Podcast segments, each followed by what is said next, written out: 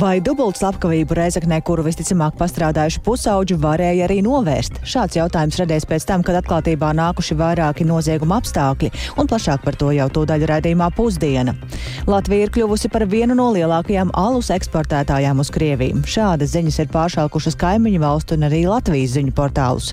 Taču vai tas atbilst patiesībai? Nozares pārstāvi to apšauba. Un satiksmes ministrs ir paziņojis, ka velosipēdu novietņu izveide visos jaunajos elektrovilcienos izmaksās vairāk nekā vienu miljonu eiro. Kāpēc tik dārgi? Arī par to plašāk jau tūdaļ redzījumā pusdiena.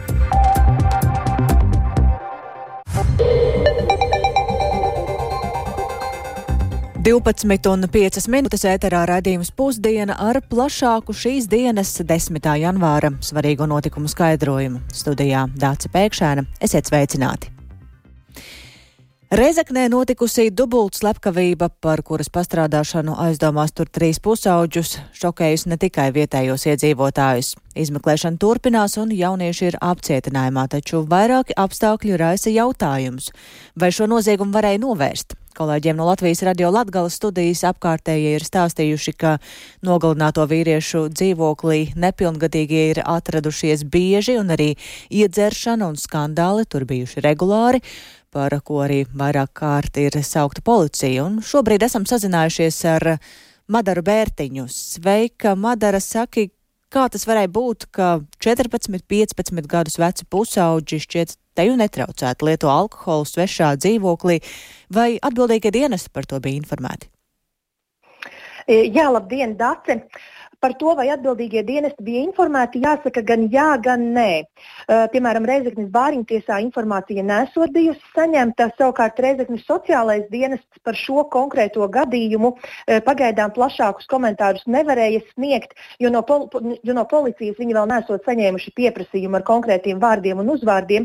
Līdz ar to pagaidām nav skaidrs, kuri no visiem sociālā dienesta redzeslokā esošajiem jauniešiem šie varētu būt un uh, kāda palīdzība līdz šim viņiem ir sniegta sniegta. Eh, jo, kā uzzināja sociālajā dienestā, pie viņiem nonāk jaunieši gan no policijas, gan arī, piemēram, skolām pilsētas administratīvās inspekcijas un dažādiem citiem dienestiem. Eh, tikmēr policija uzsver, ka ar šiem jauniešiem kuri, eh, kā jau zino, ziņojām arī iepriekš, ir nonākuši policijas redzeslokā, esot veikts preventīva rakstura darbs, taču nekas nav liecinājis, ka viņi varētu pastrādāt šādu slepkavību. Paklausīsimies, ko stāsta valsts policijas Latgales reģiona pārvaldes Ziemeļlatgales iecirkņa priekšnieks Oskars Točelovskis.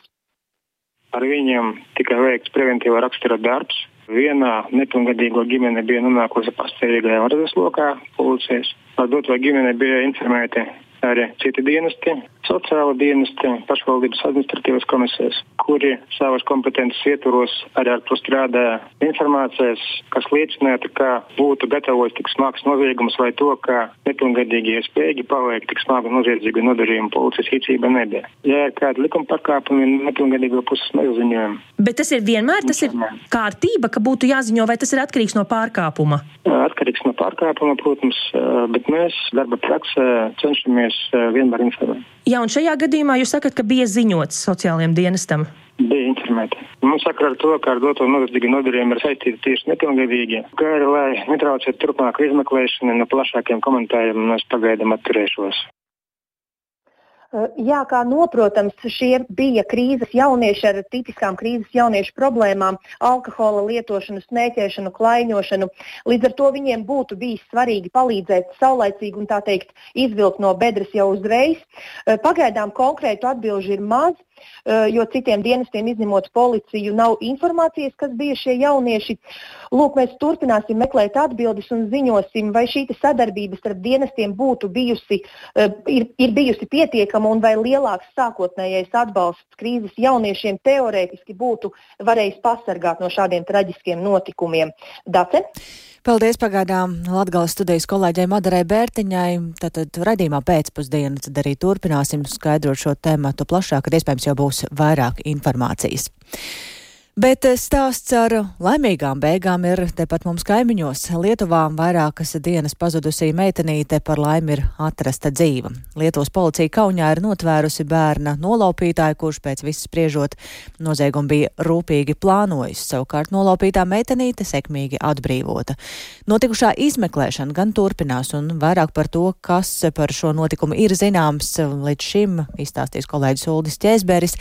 Sveiks, Uldi, ko saka Lietuvas varas iestādes. Jā, Lietuvas policija šonakt paziņoja, ka vakar vakarā, pulksten 11. ir atbrīvota 9 gadus vecā Agota, kura svētdien pēcpusdienā izgāja no mājām un pazuda bez vēsts. Meiteni atrada garažā aptuveni pusotru kilometru no autobusa pieturas, kurā viņa bija redzēta pēdējo reizi pirms pazušanas. Meiteni pēc atbrīvošanas nogādāja slimnīcā, kur ārsti viņai veica veselības pārbaudes. Pie agotas ir arī abi viņas vecāki, bet nu, slimnīca nekādus sīkākus komentārus nav sniegusi par to, kāds ir viņas veselības stāvoklis. Un kopā ar agotu šajā garāžā atradās arī kāds 42 gadus vecs vīrietis, kuru apcietināja aicināja uz aizdomu pamatu par meitenes nolaupīšanu. Un tad eh, vairāk par bērnu atbrīvošanas operāciju pastāstīja Lietuvas policijas ģenerālkomisārs Renāts Požēla, kura uh, citātu arī varam noklausīties. Bet tikrai nebuvo paprasta rasti šitą vietą. Atrast šo vietu tiešām nebija viegli. Iespējams, ka panākumus nodrošināja mūsu tehnisko līdzekļu, mūsu nojautas un policistu pieredzes sadarība. Aizdomās turamais un meitene tika atrasti konkrētā garāžā, kurā iekļuvām izmantojot spēku, un aizdomās turamā aizturēšanu veica pretterorisma vienības āras darbinieki. Pret aizdomās turēto personu tika izmantoti roku dzelži. Meitene bija kopā ar viņu. Tā noteikti nebija vienkārša operācija, jo mums bija informācija, ka persona varētu būt bruņota. Tāpēc bija liela dilema, vai šo informāciju atklāt sabiedrībai, vai darīt to, ko mēs darījām. Tāpēc, manuprāt, lēmums bija pamatots un viss izdevās. Ir, na, viskas pavyko. Jā, nu, policija joprojām izmeklē, kādi bija aizdomās turamā motīvi, taču viss liecinot, ka viņš meitenes nolaupīšanai bija uh, gatavojies, jo garāža kurā vīrietis eh, divas diennaktis turēja, agatu bija pielāgota tā, lai tur varētu ilgstoši uzturēties. Nu, pagaidām nav skaidrs, vai aizdomās turamais gribēja nolaupīt tieši šo meiteni, bet eh, iepriekš izskanēja versija, ka meiteni varētu būt nolaupījuši radinieki un aizveduši uz ārvalstīm.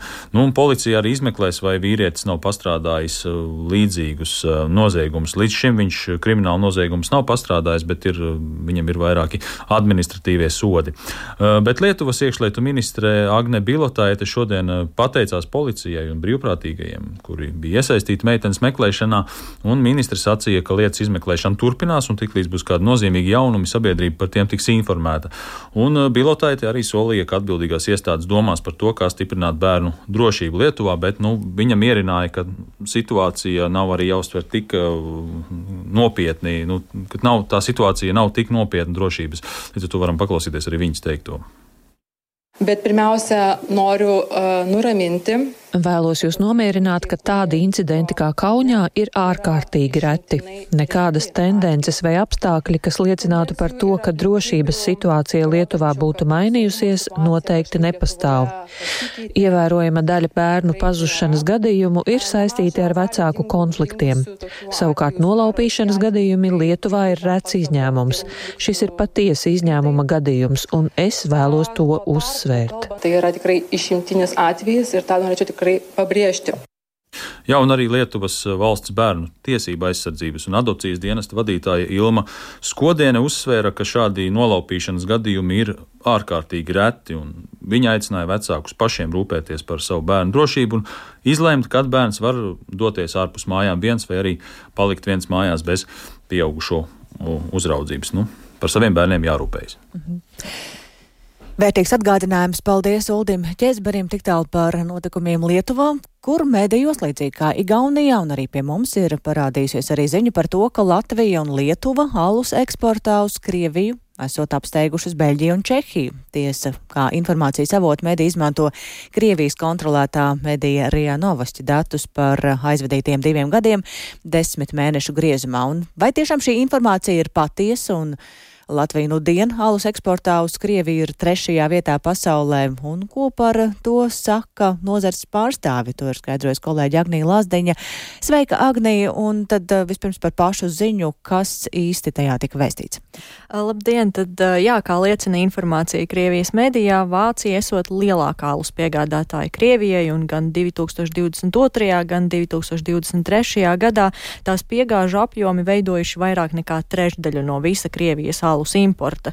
Tālāk sekojot Lietuva, kur alus piegāžu ziņā pērn veidojas vairāk par 15% no visiem eksportētājiem, un salīdzinājumā ar šo pašu laika periodu 2022. gadā Lietuvai esot izdevies palielināt piegāžu apjomus 1,9 reizes, apsteidzot Beļģiju, kas šajā sarakstā esot nokritus uz 4. vietu.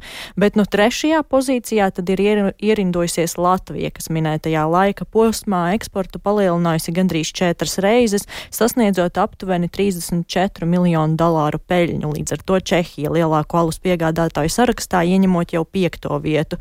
Un sestajā vietā starp lielākajiem alus eksportētājiem esot ierindojusies Polija. Bet, Vai šī informācija tad atbilst patiesībai, tīpaši skatāmies Latvijas kontekstā, tad nozares pārstāvi to apšauba. Un uh, Latvijas alus darītāju savienības valdes priekšsēdētājs Pēters Liniņš uzsver, ka šī esot acīm redzama viltus ziņa iepazīstoties ar šo tekstu, var redzēt, ka tur nav ne minēti konkrēti fakti, ne konkrēti ražotāji. Un tādēļ es domāju, ka šis ir kārtējs veids, kā Krievija mēģina diskreditēt Latvijas uh, ekonomiku, Latvijas ražotāju konkrētajā gadījumā, uh, vēršoties pret uh, veselu nozari ar pilnīgi nepamatotiem apgalvojumiem, bez jebkādiem pierādījumiem. Man pat savā ziņā pārsteidz tas, ka atsevišķi mēdī atļaujās šādu Krievijas propagandas mēdīja tekstu, sauksim viņu tā, publicēt ziņas formātā. Es nezinu nevienu uzņēmumu, kurš e, eksportētu šobrīd uz Krieviju no Latvijas, no ražotājiem tieši. Es nevaru iedomāties, kurš pēc šī visa Latvijas ražotājs uh, turpinātu šo sadarbību. Arī Latvijas pārtikas uzņēmumu federācijas rīcībā šādu datu nesot, kas norādot, ka informācija nesot patiesa, un paklausīsimies padomas priekšsēdētājs Ināras Šures teikto. Es domāju, ka tas ir nepareiza informācija, jo es paskatījos to rakstu. Pirmkārt, tas ir eh, neloģiski. Eksports vispār kā tāds alus nozarē nav eksportējoša nozare, jo viņai loģistika ir ļoti dārga un arī principā smaga un viņa nav izdevīga. Tāpēc, eh, zinot mūsu uzņēmumus, principā tā informācija norāda, ka tas ir absolūti nepareiza informācija. Šobrīd izskatās, ka publiski izskanējusie informācija tad visticamāk nesot patiesa. Jānorāda, ka arī pērn novembrī no Krievijas mediju puses parādījās ziņa, ka, ziņas, ka lielākā daļa Krievijā ievestā viskija tiekot importēta no Latvijas, un Latvija gan nesot pēkšņi kļūsi par viskiju ražošanas lielvalsti, jo patiesībā rietumu uzņēmumu izmantojot Latviju kā starposmu, lai turpinātu alkoholisko dzērienu eksportu uz Krieviju. Tāpat līdzīgi jau iepriekš ir arī ziņots, ka Latvija un Lietuva kļuvušas arī par vīna eksporta līderēm uz Krieviju. Un arī tādu pašu apstākļu dēļ, proti, ka rietumu piegādātāji bieži vien nevēloties riskēt un uzrādīt Krieviju kā piegādes galamērķi. Bet, nu, plašāk par šo visu situāciju, to starp jau ar datiem no centrālās statistikas pārvaldes, tad stāstīšu programmā pēcpusdienā. Paldies Agnijai Lazdiņai, un mēs eh, turpinām šobrīd ar vēl kādu būtisku tematu. Pretēji iepriekš plānotajam, ka pase būs divi tik dārgāka, šobrīd ir zināms, ka par to būs jāmaksā vien dažus eiro vairāk. Respektīvi, valsts nodeva par pases izsniegšanu būs 34 eiro, kas nozīmē palielinājumu par 4, nevis 30 eiro. Vēl gan par to ir jālēmj valdībai, bet šodien temats ir apspriests sēmas pieprasījuma komisijā, un tur lemtajam sekoja līdz arī kolēģis Jānis. Kīncis. Sveiks, Jāni! Sveicināti! Jā, Atgādināšu vēlreiz, ka pērnā gada nogalē izskanēja informācija, ka nodeva par pasas izsniegšanu varētu pieaugt no 30 līdz 60 eiro. Un um, skaidrojumi tam bija dažādi. To pamatoja gan ar pasu drošības risinājumiem, kam esot jāsako līdzi laikam, gan ar dokumentu aprites sistēmas uzturēšanu un citiem izdevumiem. Tomēr Pilsonības un migrācijas lietu pārvaldē, kas atbildīga par personas dokumentu apriti, ir rasts risinājums, ka daļa no iepriekš plānotās valsts valsts nodevas izmaksām dokumentu sagatavošanā seks, piesaistot finansējumu no Eiropas Savienības fondu līdzekļiem un arī dzen, kādu daļu meklējot valsts budžetā. Tādējādi kā minēts, valsts nodeva par pasas izsniegšanu pieauga salīdzinoši nedaudz, par 4 eiro līdz 34 eiro. Um, savukārt par pasas sagatavošanu pātrinātā kārtībā divu darba dienu laikā būs jāšķiras no 60 eiro līdz līdzinējo 55 eiro vietā. Uh, ir plānots saglabāt atvieglojumus personām, kuras atrodas pilnā valsts vai pašvaldības apgādībā, kā arī bērniem līdz 20 gadu vecumam, pensionāriem, personām ar pirmās un otrās grupas invaliditāti, bēgļiem un arī personām, kurām piešķirts alternatīvais status. Uh, Un, lai gan būs mērenāks pasas izsniegšanas nodevas pieaugums, ar dokumentu apriti saistītas izmaksas aug. To savukārt uzsver iekšlietu ministrijas parlamentārais sekretārs Igors Rajevs. Tā ir elektroniskā certifikāta izmaksas, kas ir iestrādātais um, elektroniskais paraksts dokumentos, kurus mēs izdodam. Otra izmaksa ir tā saucamā nepārtrauktība personu apliecinošu dokumentu informācijas sistēma, kā arī tas iekļauj sevī darba vietu aprīkošanu ar mūsdienīgām modernām tehnoloģijām, klientu pakalpošanas darbstāciju ieviešana PMLP teritoriālais nodaļās, kas attiecīgi atvieglos cilvēkiem dokumentu saņemšanu, kā arī iekārtas iegādes izmaksas, no kuriem tiek nodrošina personu apliecinošanu dokumentu noformēšana un izsniegšana. Tas viss, protams, ir šī dokumenta sagatavošanas izmaksās, bet tas netiks iekļauts nodevā, kuru maksās mūsu iedzīvotāji. Un, ņemot vērā šo rasto risinājumu par pases nodevas izmaiņām, par ko gan vēl būs jālemj arī valdībai. Apvienotā saraksta frakcijas deputāti atsauca iepriekš sagatavoto prie, pie, pieprasījumu iekšlietu ministram skaidrot personu apliecinošu dokumentu izsniegšanas maksas nesamērīgu pieaugumu. Vienlaikus eh, vairāki saimas pieprasījuma komisijas deputāti atzina, ka bez sabiedrības saceltās ažiotāžas nodeva nebūtu samazināta. Lūk, ko par to teica deputātes Svetlana Čulkova un Linda Liepiņa. Un arī gribu pateikt paldies sabiedrībai musē, ja, jo tieši viņi pacēla šo jautājumu par cenām. Viņi saka par to runu gan internetā, gan ar, ar kaimiņiem, ar draugiem. Paldies, esat ieslēgti šī te apgaita. Bet jautājums vienkārši, kā šādi lēmumi plānotajiem izdevumiem vispār tiek apspriesti, kā viņi tiek komunicēti sabiedrībai, vai ir īstais brīdis vienkārši sabiedrību tracināt ar šādiem jautājumiem. Un paredzēts, ka jaunā parauga pasas iedzīvotājiem varētu sākt izsniegt apmēram no februāra vidus. Attiecīgi līdz februārim valdībai pasu izsniegšanas nodevas izmaiņas būs jāpārskata un jāpieņem šis lēmums, par ko šodien ir šis jaunums. ir vēl kaut kas iedzīvotājiem jāņem vērā saistībā ar pasu izsniegšanu. Jā, nu, kad decembrī izskanēja šī ziņa par jaunu paraugu pasēm, tad gan sociālajos tīklos, gan arī par dokumentu apriti atbildīgajā pilsonības un migrācijas lietu pārvaldē ir saņemti vairāk jautājumi par to, kas ir jādara ar līdzinējām pasēm. Vai tās būtu jānomaina? Un atbildi ir, ka pirms esošās pases noteiktā termiņa beigām noteikti pase nav jāmaina. Un uh, jaunie risinājumi, jaunā parauga pases vienkārši ir, būs tās, ko izsniegs, kad kad termiņš būs nu, noticējis. Jā. Un vēl arī jāatgādina, ka Latvijā obligāts personu apliecinošs dokuments ir elektroniskā identifikācijas karte, un ID kartes noformēšanas cena arī turpmāk paliks nemainīga. Tie ir 15 eiro. Savukārt pase ir izvēles dokuments, ko noformēt vajadzības gadījumā, piemēram, ja ir plānots ceļot uz valstīm ārpus Eiropas Savienības. To arī atgādina gan PMLP, gan iekšlietu ministrija Mm -hmm. Paldies Jānim Kīncim. Tas tātad par izmaksām, kas attiecas uz jaunajām pasēm, bet uh, vairāk nekā viens miljons eiro Tik daudz varētu izmaksāt velo novietņu ierīkošanu jaunajos vilcienos. Tā ir paziņojis satiksmes ministrs, un visos 32 sastāvos velosipēdu sastāviem ir jābūt uzstādītiem vēlākais līdz vasaras beigām. Projekta plānotās izmaksas sociālo platformu lietotājiem rada gan neizpratni, un plašāk par to visu ir gatavs stāstīt kolēģis Viktors Demīdovs. Sveiks, Viktor! Nu, kādēļ tās izmaksas ir paredzētas tik lielas?